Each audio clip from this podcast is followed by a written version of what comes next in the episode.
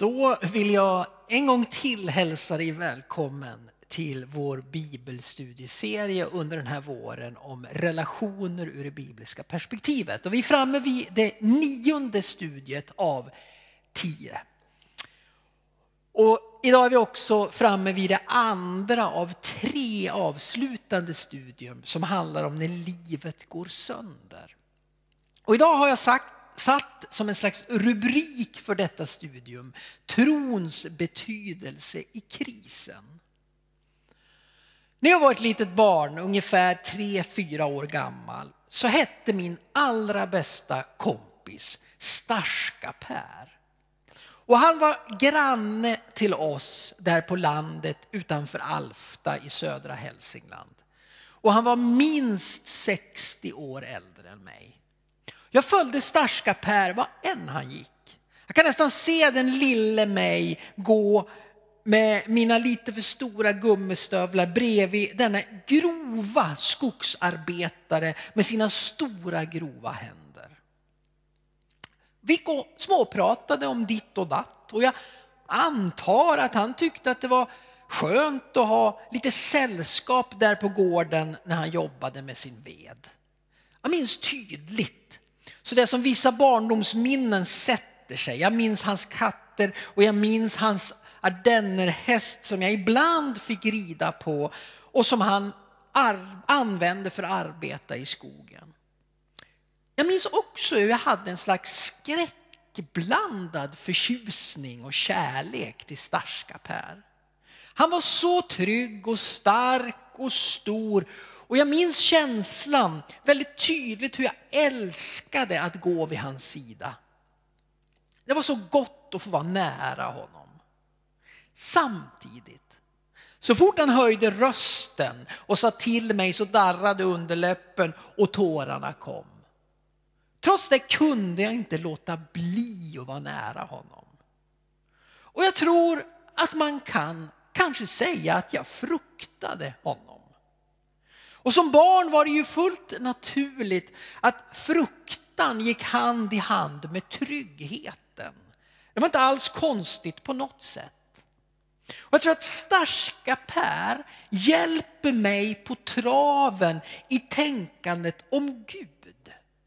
Och det vi ibland brukar kalla för gudsfruktan. För kanske har jag allt för länge banaliserat den helige. Medverkat till att Gud har blivit rumsren, gjort honom till, som rockgruppen Jerusalem sjunger, till en springpojk eller till en hund. En Gud som är sådär svenskt lagom. Inte för farlig, inte för utmanande och absolut ingen att frukta. Vad har tron för betydelse i krisen? Och man kan lika gärna fråga vad har krisen för betydelse i tron? För det är inte bara så att tron får betydelse i våra kriser. Utan det som händer är att tron förvandlas, förändras. Man kanske skulle kunna säga förädlas i krisen. Om jag någonsin skulle skriva en roman så vet jag precis hur den ska börja och hur den ska sluta. Jag tycker nog när jag läser en roman själv att den första meningen i nästan alla bra böcker sätter tonen för fortsättningen av läsningen. Och mina två första meningar i min kommande roman skulle då vara ett citat ur första Mosebokens 32 kapitel. De meningar som är liksom slutet på det, på det bibelstycke som jag alldeles precis nu ska läsa. Jag tycker att de låter som material till en klassisk nobelprisroman. Vi läser i första Moseboks 32 kapitel. Under natten steg Jakob upp, tog med sig sina båda hustrur och sina båda slavinnor och sina elva söner och gick över Jabbok vid vadstället. Han lät dem gå över floden och lät föra över allt som tillhörde honom. Jakob blev ensam kvar. Då brottades en man med honom till dagen grydde. När han såg att han inte kunde besegra Jakob slog han till honom på höftbenet så att höften gick ur led när de brottades med varandra. Släpp mig, sa mannen, dagen gryr. Men Jakob svarade, jag släpper dig inte förrän du välsignar mig. Han frågade honom, vad är ditt namn? Jakob, svarade han. Då sa han, ditt namn ska inte längre vara Jakob, utan Israel. Ty du har kämpat med Gud och människor och segrat. Jakob bad honom, låt mig få veta ditt namn. Han svarade, varför frågar du mig om mitt namn? Och han välsignade honom där. Jakob kallade platsen Penuel. Ty, sa han, jag såg Gud ansikte mot ansikte och ändå skonades mitt liv. När han lämnade Penuel såg han solen gå upp och han haltade på grund av sin skadade höft. När han lämnade Penuel såg han solen gå upp och han haltade på grund av sin skadade höft. I det förra bibelstudiet så läste vi om hur Jesus säger i Matteus att varje dag har nog av sin egen plåga. Och jag tänker att vi lika gärna behöver erkänna för oss själva att tron i sig också är en kamp. Vi kämpar med att tro, med hur vi tror, med att vi inte inte tror, med det vi tror att vi tror eller kanske tror att vi borde tro. Och det som gör texten om Jakob Jabboks vad, den nattliga kampen, höften ur led och allt det så speciell är väl att kampen här så tydligt står med Gud själv. Just det faktum att Jakob brottas med Gud. Det är kanske en tanke som kan vara lite främmande för oss. Att vi skulle behöva brottas med den helige. Gud som ju är kärleken, som är tryggheten, han som är själva livets givare. Är det någon vi ska brottas med? Är inte Gud liksom en plats där man bara får vara och slappna av? För några år sedan så var jag på besök i Burkina Faso i västra Afrika. Det är en av de fem fattigaste länderna i världen. Ett land som är täckt av torr röd sand och som lider av ständig brist på vatten. Och mitt i den här ökenmiljön så sa vår missionär på plats där några ord som då, omgiven av torr röd sand och 40-gradig 40 värme, så lät det som ett grymt visdomsord. Han sa, ständigt solsken skapar alltid en öken. Ständigt solsken, det skapar alltid en öken. Och kanske ligger det någonting i det, också i överförd mening. Själva den mänskliga skapelsen, den är liksom funtad så att med och motgång hör till livets verklighet.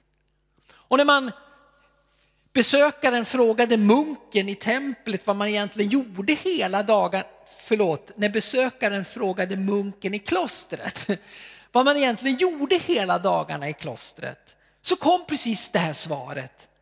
Vi faller och reser oss. Vi faller och reser oss. Vi faller och reser oss igen. Natt och dag, vinter och sommar, ljus och mörker. Det är liksom livets naturliga rytm. Kan man egentligen överhuvudtaget tänka sig en ständig sommar? Ett liv med ständig lycka?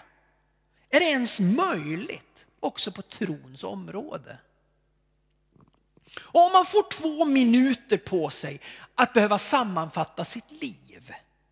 Du får två minuter på dig att liksom sammanfatta ditt liv. Ja, den beskrivningen den skulle antagligen pendla mellan den yttersta glädjen och den yttersta sorgen. När barnen föddes, den dagen vi gifte oss, när sjukdomen tar en kär, när olyckan förändrade allt, när skilsmässan drabbade mig, den fantastiska semesterresan, när jag blev sviken av en vän. Alltså det pendlar mellan ytterligheter när vi beskriver våra liv. Och jag inser att när jag definierar mitt eget liv så är det i sanning sorgen lika väl som glädjen som är närvarande. Min mamma hon dog i lungcancer när hon var 46 år gammal. Och jag är ju nu då sedan flera år förbi henne i levnadsår. Äldre än min egen mamma. Och den som tror att sorgen tar slut, den misstar sig. Den ändrar nog bara form. Och för mig då ungefär 25 år gammal, när hon då gick bort, så blev hennes död en katalysator för att börja studera teologi. Ni vet det här med teodicé och livet och min uppväxtstro som, som talade liksom om en slags glädje i överflöd för den som följer Jesus. Vad hade hänt med min tro? Jag tog, mig en, jag tog mig an varenda teori som handlar om Gud, Guds allmakt, lidandet och varenda teori som inte handlar om det heller för den delen. Jag, jag studerade som om livet hängde på det. Ja, min tro, det gjorde, den gjorde det definitivt. 2004 så drabbades jag och min hustru av tsunamikatastrofen på otäckt nära håll. Och jag tänker att det var först då som jag fick redskapen att hantera sorgen, krisen och tron. Jag återkommer strax till det. Och så för lite nu mer än tio år sedan så dog min pappa i precis samma lungcancer som min mamma. Lungcancer båda två. Trots att de båda levt hälsosamma liv som pingstvänner ifrån Alfta. Pappa var då tre år ifrån den pension som han, har längtat, som han hade längtat så mycket efter. Och så stod jag där, äldst i familjen, själv nyss fyllda 40 år och undrade en gång till. Var är Gud? Var har Gud tagit vägen? Hur ofta ska jag ropa utan att få svar som Habakuk sa? Hur långt ska ondskan få fortgå utan att Gud griper in? Men jag kan nog säga att tron den har burit. Och har tron på Jesus varit en snuttefilt att trösta sig med? Har tron på Gud gjort det hela lättare? Ja, snarare känns det ibland som om livet har fortsatt och fortsatt fungera trots tron. Och inte minst blev detta tydligt för mig under tsunamikatastrofen. Jag ska alldeles strax förklara, men om vi först backar tillbaka till Jakob så kan vi i hans fall konstatera att det hela hade varit betydligt enklare utan Gud. En kamp som livet ibland som sånt serverar oss och ibland Gud och ofta vet vi inte vad och det spelar egentligen kanske ingen roll. Livets villkor de växlar ju. Lyckan kommer, lyckan går som vi ber i den gamla barnabönen. Men vers 24 i den här, i den här texten om Jakob talar om att det var i ensamheten som Jakobs möte med Gud skedde. Det är ingen slump. Det är ensamheten som mötena sker. Det är alltid värre framåt natten, bort från alla ljus och alla skratten som Björn Skifs en gång sjöng. Ensamheten den kan vara en, en välsignelse men det kan samtidigt vara en förbannelse. För vår tids människor så är den ofta en bristvara. Och det är inte alls ovanligt att vi upplever oss leva i mörkret, i natten, i dunklet när vi möter Gud. Vi i frikyrkan, vi är liksom vana att beskriva gudsmöten som ljusa och upplyftande upplevelser. Och visst är det så också. Att möta Jesus, det kan vara det mest underbara, men det kan också vara fruktansvärt jobbigt. Och det visar ju sig ofta att människor med mörka, jobbiga, tunga upplevelser i livet framhåller just precis dem som oumbärliga.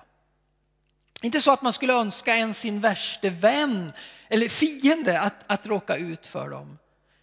Men nu när man har klarat sig igenom det skulle man på något konstigt sätt inte vilja vara utan det. För det mörka, det bildar en slags fond mot vilket det ljusa ter sig ännu ljusare. Man brukar ibland säga att kaos är granne med Gud. Och jag, jag anar att det ligger mer i det uttrycket än vad man först kan förstå. Genom tårarna, genom smärtan, genom prövningen så lyser det gudomliga fram. Det är som om Gud syns tydligast där spegeln spricker. När självbespeglingens bild krackelerar så behöver vi se något mer än bara oss själva. Men det är, med brott, det är i brottningen med livet som jag också inser att jorden blir till den jord den faktiskt fortfarande bara är och alltid kommer att vara. Det är när vi jagar den ständiga solskenet, den ständiga lyckan och när vi tror att den här jorden kan ersätta himmelen som vi hamnar så snett. I vers 25 så möter Jakob Gud. Och det är en kamp som vi inte vet så mycket om. Och jag tror att det är visdom att Bibeln är så snål med detaljer kring den här kampen. Hur det gick till är inte det viktiga utan att det faktiskt gick till. Och det finns en hemlighet i det här som en parentes. Att vi inte gärna avslöjar de stora andliga upplevelserna. De vill vi hålla för oss själva. Bevara dem, begrunda dem och inte sälja ut dem genom att prata för mycket om dem. Mötena med Gud, det är ögonblick som blir så intima för oss att bara de som står oss allra närmast tillåts ta del av dem. Vi vet inte vad som hände i kampen mellan Gud och Jakob. Men vi ser, ja alla kan se, att Jakobs kamp med Gud också fick fysiska följder. Jakob får ett slag på höftbenet så att höften går ur led. Och den som vill får gärna tolka betydelsen i detta. Jag låter bli, men jag kan inte annat än tänka att det är ju orättvisa förhållanden. Texten säger ju liksom aldrig, men jag får för mig att Gud liksom i sin stora mäktighet råkar ta i för mycket och så blir Jakob i sin bräckliga litenhet skadad. Som när barnet leker med kattungen och råkar ta i för hårt och av misstag skadar. Jag kan inte låta bli att tänka att det är en ojämn kamp vi har att kämpa. Jag och Gud. Och vi kanske inte har fått ett slag på höftbenet i vår kamp med Gud. Men en sak är säker. Vi är inte de samma efter det att vi har brottats med Gud. Vi är märkta för livet. Men det är en märkning som vi inte bär som en belastning utan som en ära. Det är inte en gudomlig bestraffning utan ett tecken på tillhörighet. Där går han som Gud har mött. Det är som om vår tros ansikte får ta del av de livsvisdomens rynkor som livet ger oss. Det är som om den sönderslagna höften blir påminnelsen om att Jakob har mognat. Att Jakob inte längre är densamme. Att Jakobs tro har vuxit. Att Jakob får ett nytt namn, Israel. Och han kommer aldrig och mer att gå så där obehindrat bekymmerslöst som han gjorde i sin ungdom. Men det är som om det är just där som, om, som, som liksom himlen kan skina igenom det brustna med sitt himmelska ljus. Höften blir påminnelsen om var livet ska levas. För det är det som är grejen. Brottningen med Gud, den bryter alltid ut det tomma mänskliga mot ett gudomligt innehåll. Den mänskliga jakten på ytlig lycka byts mot den gudomliga gåva som kallas för salighet. Jag pratade om tsunamin. Och jag funderade på, går det att tro på riktigt när man är så nära att dö? Varför finns det så mycket ofattbart lidande i den här världen? Och jag tänker så här när det gäller de här frågorna. Jag sitter ju inte inne med svaret, de rätta lösningarna på de här olösliga frågorna. Naturligtvis inte. Det här med lidandet och med Guds allmakt, och det har man liksom funderat på genom hela mänsklighetens historia. Men jag står här idag, märkt av mitt eget liv med en delvis modifierad bild av Gud om jag jämför med hur det var innan tsunamin och efter. Kanske är det mer sann, vad vet jag, men min bild av Gud påminner idag mer om den bild jag hade av Starska Per som barn. Trivsel, tillit, njutning, men också respekt, en enorm respekt för den Gud som är värd att frukta. Jag hade en ungdomsledare Eh, när jag var precis i början av tonåren. Och jag minns hur han sa att han läste släktlistorna i Gamla Testamentet. Jag tyckte att det där var ganska underligt och jag frågade honom varför han gjorde det. Och han svarade ungefär, det spelar ingen roll om man förstår. Guds ord gör något med en i alla fall. Och på något underligt sätt så tror jag att han har rätt. Guds ord gör någonting med oss. Men jag tror också att livet gör någonting med oss så att Guds ord får en annan klang. Man uppfattar tonen annorlunda. Det kan vara så att jag läser ett bibelställe och nästa gång när jag läser exakt samma bibelställe när jag befinner mig i en annan situation i livet och helt plötsligt så förstår jag. Förstår jag något jag inte förstod förra gången? Det som var dunkelt då blir nu helt uppenbart och det är ju bland annat därför som Bibeln kallas för det levande ordet. Under våren, i spåren av tsunamin, så levde jag med jobb. Jag sov, jag åt, jag andades jobbsbok. Och jag har gång på gång ställt mig frågan tillsammans med Jobs bok, går det att leva med Jesus i en ond värld? Eller snarare, går det att leva med en tro på Jesus i en värld som vår utan att behöva göra våld på vare sig själv, verkligheten eller Bibeln? Går det att tro på Jesus på riktigt när allt runt omkring oss ser ut som det gör? Vad finns Gud mitt i allt lidande? Vad har tron för betydelse för krisen? Och egentligen, om jag ska vara helt ärlig, så lämnade jag ganska snart grubblandet kring de teologiska problemen med lidandet. För, för det svaret, eller brist på svar, det hade jag redan innan katastrofen. Jag kan alla pastorala svar, jag kan alla fromma svar som ofta är liksom så lite överslätande för att man inte riktigt vet hur man ska hantera när lidandet kommer nära. Och frågorna för mig, det blev liksom inte i första hand hur jag skulle kunna förklara det som har hänt, det onda som har drabbat. Frågorna blev, kan jag tro att Gud är rättvis? Kan jag tro att Gud är god? Kan jag tro att Gud är kärleksfull trots att någonting sånt som en tsunami händer? Alltså, kan jag fortsätta lita på Gud? Kan jag fortsätta tro? Kan jag det? Efter några dagar när vi låg på sjukhuset i Thailand så kom det några fina kristna ungdomar dit. De delade ut små broschyrer med broillustrationen. Och när jag såg hur mina mer eller mindre halvdöda golvgrannar låg och tittade i de där små broschyrerna så skämdes jag nog för första gången som vuxen över min tro. Så naiv, så ytlig, så långt ifrån det människor behövde.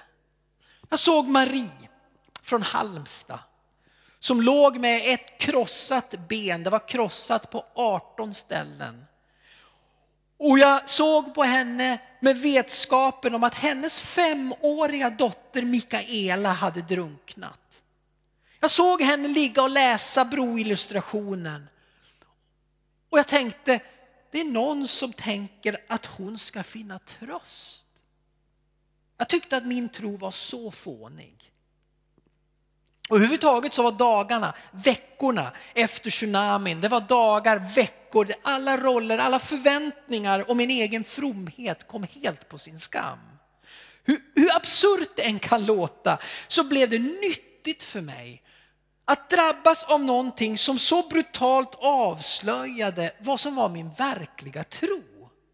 Det var som om alla lager av påstådd tro skalades bort. Allt det jag sa att jag trodde, allt det jag lärt mig att jag borde tro, allt det jag kanske trodde att jag trodde, lager för lager och kvar blev kärnan, det som var min tro.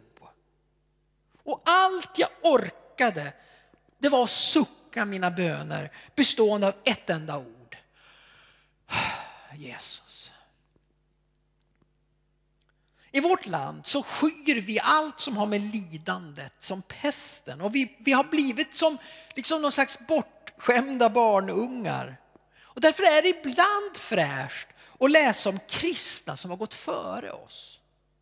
De verkar inte i första hand vara rädda för lidandet. Det var annat som skrämde dem. Rädslan att förlora sin kärlek. I andra Korintierbrevet 4 och 16 säger Paulus, därför ger jag inte upp. Även om en yttre människa bryts ner förnyas min inre människa dag för dag. Mina kortvariga lidanden väger ju oändligt lätt mot den överväldigande eviga härlighet de bereder åt mig. Som inte riktar blicken mot det synliga utan mot det osynliga. Det synliga är förgängligt men det osynliga är evigt.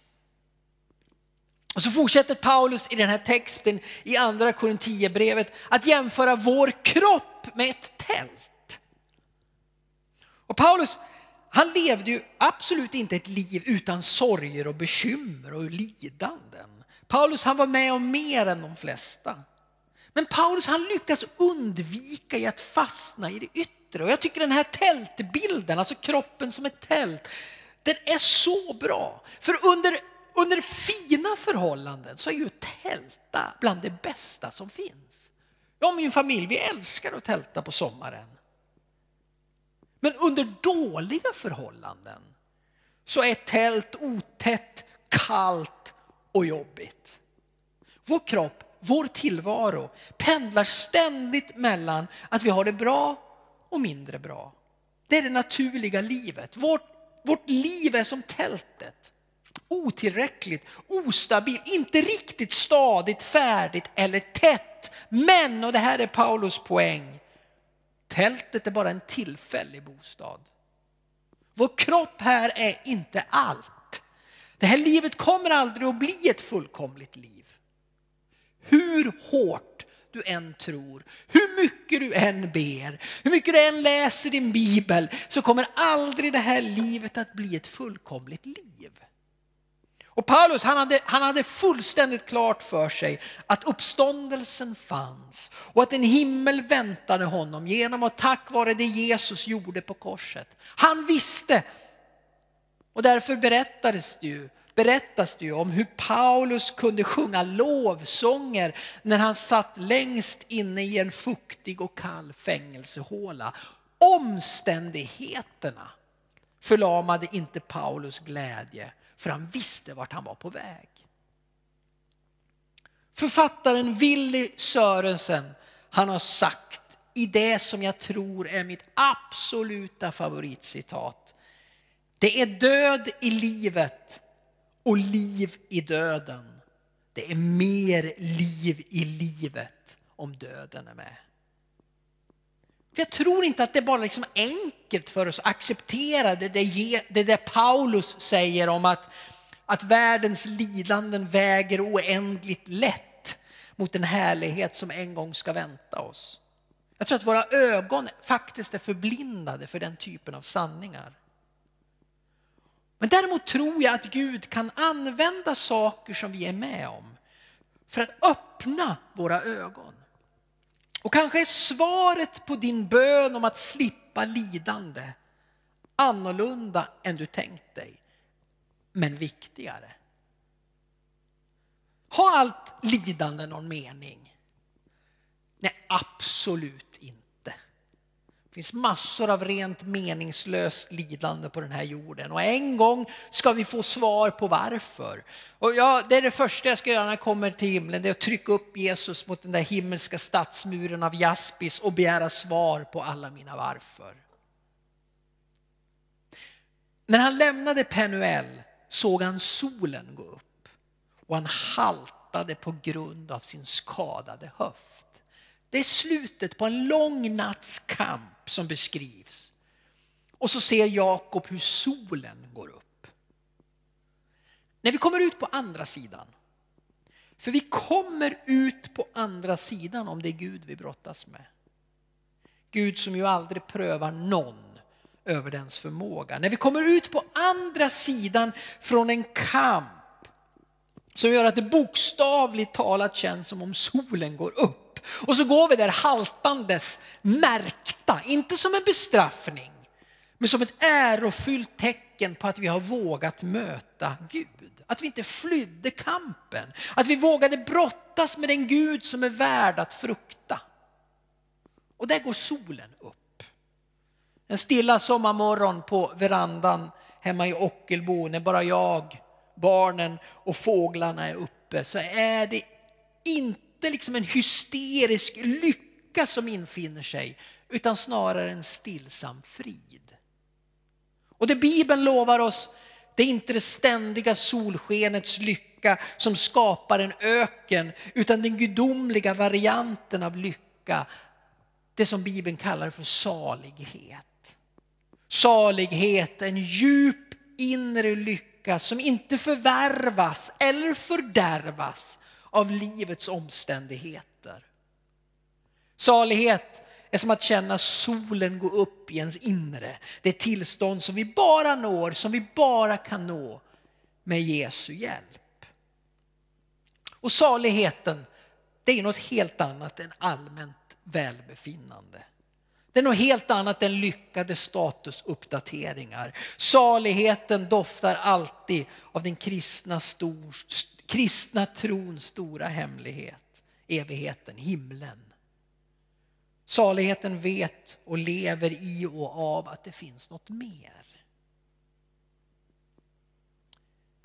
Jag har under det här studiet vid några tillfällen nämnt jobb.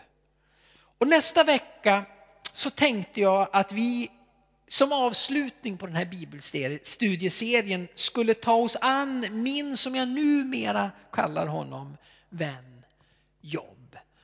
Med det spar vi till då. Tack för idag. Amen.